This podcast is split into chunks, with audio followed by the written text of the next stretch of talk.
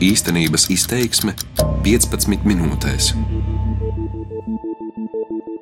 Migrācijas krīze vidusjūrā vēl aizvien sit augstu vilni. ANO augstais komisārs bēgļu jautājumos paziņoja par izmaiņām izplatītākajos maršrutos, kā bēgļi un migranti iekļūst Eiropā. Pēdējo mēnešu laikā pieauga to iebraucēju skaits, kas sasniedz Grieķiju pa jūras ceļu. Septembrī vien nepilni 5000 cilvēku ieradās Grieķu salās.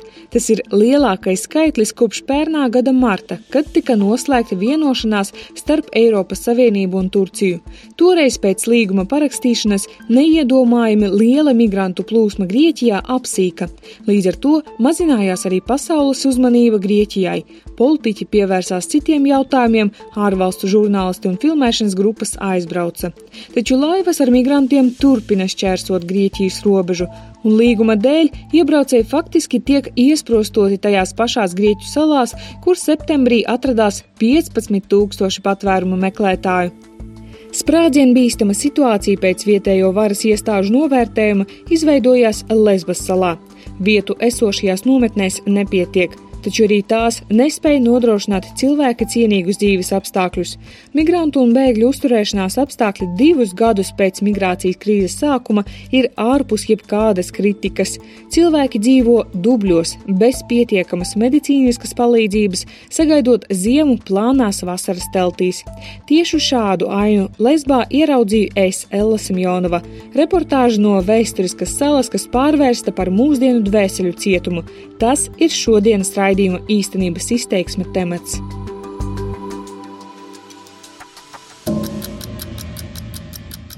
Lesba ir satriecoša pēc sava dabas skaistuma un bagāta vēsturiskā mantojuma Grieķijas sala. Aizvēsturiski arheoloģiski atklājumi liecina par cilvēku klātbūtni salā vairāk nekā 3000 gadus pirms mūsu ēras. Bet šodien Homēra poēmā cildināta sala visbiežāk tiek pieminēta negatīvu ziņu kontekstā.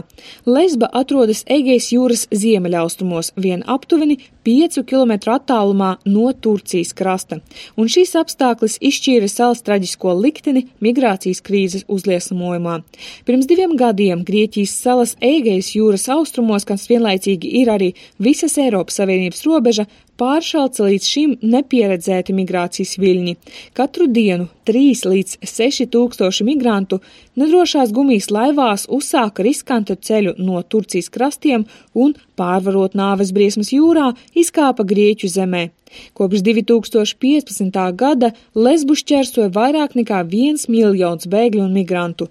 Šobrīd situācija ir nesalīdzināmi labāka. Mēnesī ierodas ap vienu, diviem tūkstošiem cilvēku, taču arī šie rādītāji nav mazi.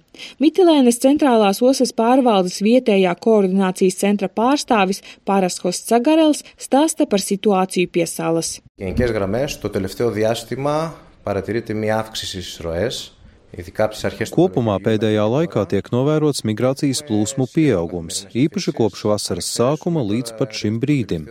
Gandrīz katru dienu salā ierodas ap 50 līdz 150 cilvēkiem. Parasti cilvēku tirgotāji iemāca kādu migrantu, kā pārvaldīt laivu un sūta viņus šeit. Attālums no Turcijas līdz Grieķijai nav liels - ap 4-6 jūras jūdzēm.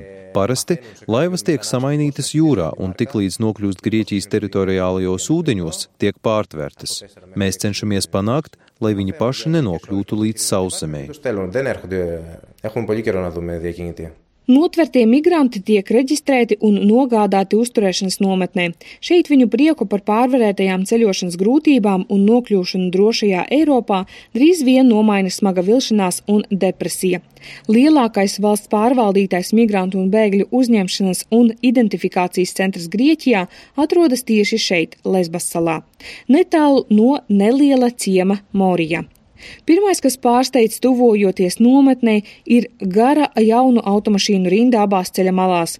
Var nojaust, ka tās varētu piederēt daudziem nevalstisko organizāciju darbiniekiem, kuru teltis un konteineri izvietoti apkārt nometnei. Pa ceļu vienatnē vai grupās brīvi pārvietojas nometnes iemītnieki. Jauni vīrieši plānos apģērbos un iešļūcinēs, lai gan ir augsti. Paiet garām ar ieslēgtu arābu mūziku savos telefonos. Skaistas sievietes ar lakatiem uz galvas, daudzas ar maziem bērniem uz rokām. Paiet garām autobusa ar galamērķa uzrakstu angļu un arābu valodā. Drīz vien nonākam arī līdz ieejai nometnē. Skats, kas paveras manām acīm, grūti saistāms ar priekšstatu par attīstītu Eiropas valsti. Visapkārt kaudzes ar netīrumiem, šķības netīras teltis ar veikliņiem un ielas ēdnīcām. Gaisā smaga dūmu smaka. Centrā cietumam līdzīga iestāde ar augstiem žogiem, novērošanas postiņiem un dzeļundrāti. Netālu divi speciālo dienestu autobusi ar bruņotiem policistiem kaujas gatavībā. Grieķijas migrācijas politikas ministrija noraidījusi Latvijas rādio lūgumu ļaut apmeklēt centru ar šādu pamatojumu, citēju, sakarā ar darbiem objektā un pūlēm atslogot centru. Taču sodāms izrādās arī mēģinājums nofotografēt un nofilmēt nometni no ārpuses. Par to policisti mūs aizturēja un veica dokumentu pārbaudi. Kā vēlāk noskaidroja no satiktiem vācu kolēģiem, aizturēšanu piedzīvoja arī viņi. Morijas uzņemšanas centrs paredzēts lielākais 2000 cilvēku izvietošanai, taču šobrīd centrā uzturas aptuveni trīs reizes lielāks skaits - vairāk nekā 6,5 tūkstoši migrantu. Un situācija tajā ir šokējoša, atklāja arī Danika, nevalstiskās organizācijas ārsti bez robežām, Grieķijas misijas projektu koordinatore Lesbasalā. So Šodien mēs redzam ļoti daudz neaizsargātu cilvēku - bērnu, sieviešu, sieviešu stāvoklī un ar jaundzimušiem mazuļiem, kas tagad atrodas vasaras teltīs. Vairāk nekā 3000 ir iesprostoti Morijas nometnē vasaras teltīs. Viņiem nav pieeja pienācīgam patvērumam un medicīniskai aprūpei. Pietrūks dušas telpu un tolešu. Nometne nav droša un ir ļoti netīra. Un mēs esam ļoti uztraukušies par to. Tas nav pieņemami. Mēs esam šokēti, ka tāda situācija ir šodien Eiropā. Speciālisti arī pauž lielas bažas par apstākļiem, kuros cilvēki spiesti sagaidīt ziemu. Šajā klimatā ar paaugstinātu mitrumu un stipriem jūras vējiem pat gaisa temperatūra, kas Latvijā šķistu pieņemama, te liek sarauties no augstuma. Savienojumā ar ilgstoši sliktiem dzīvošanas apstākļiem tas izraisa bēgļu statusu gaidošiem cilvēkiem daudzas veselības problēmas, ieskaitot augšējo elpceļu saslimšanas. Lai gan oficiāli par nometnē esošo migrantu veselības stāvokli atbildīgi ir Grieķijas veselības ministrija, Organizācijas ārsti bez robežām pārstāvi saka, ka valsts nodrošinātie medicīnas pakalpojumi ir kategoriski nepietiekami. Tāpēc nometnes tuvumā organizācija izveidos nelielu mobilo medicīnisko punktu, kur sniedz primāro veselības aprūpi bērniem līdz 16 gadu vecumam un sievietēm, kas gaida bērniņu. Te ar Latvijas rādio piekrīt aprunāties 21 gadu veca sīriete vārdā Rama, kura kopā ar vīru un maziem bērniem bēga no kara šausmām savās mājās. Lai tiktu līdz Grieķijai cilvēku pārvadātājiem, viņi samaksā 500 dolārus par katru ģimenes locekli. Nu jau trīs mēnešus ģimene dzīvo Morijas nometnē.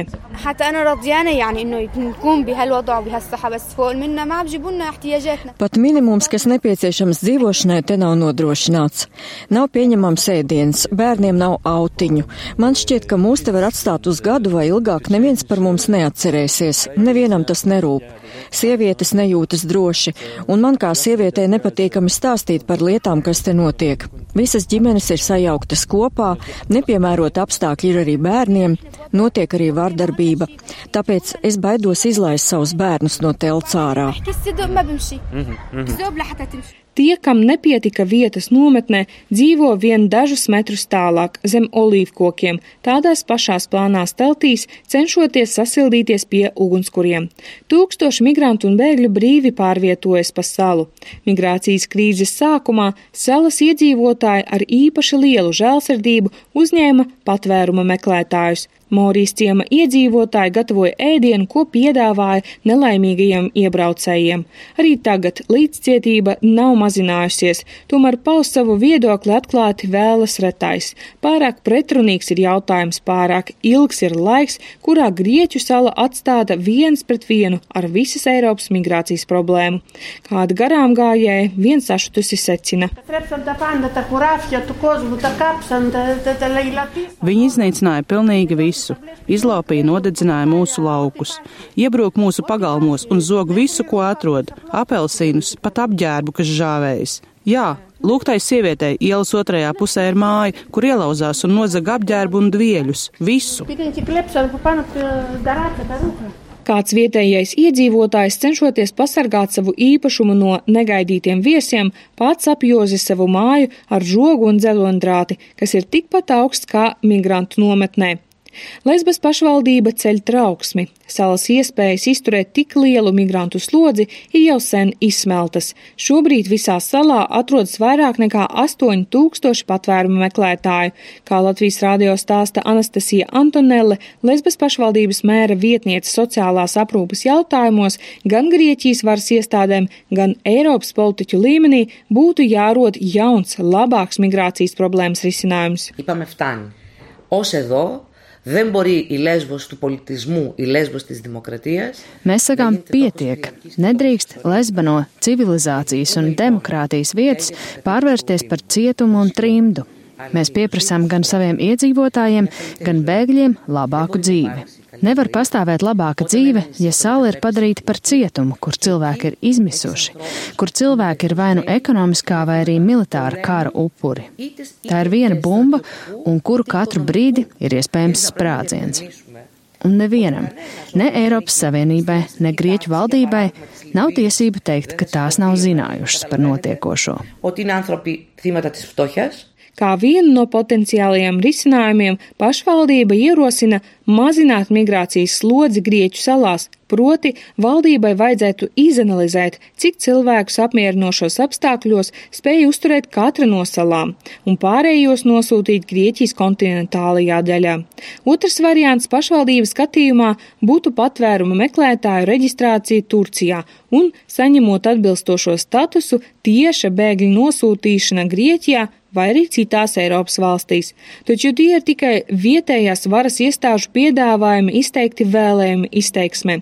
Īstenības izteiksmē jebkādus soļus spēja veikt tikai centrālās varas iestādes, un arī tās pagaidām nevar lepoties ar īpaši lieliem panākumiem.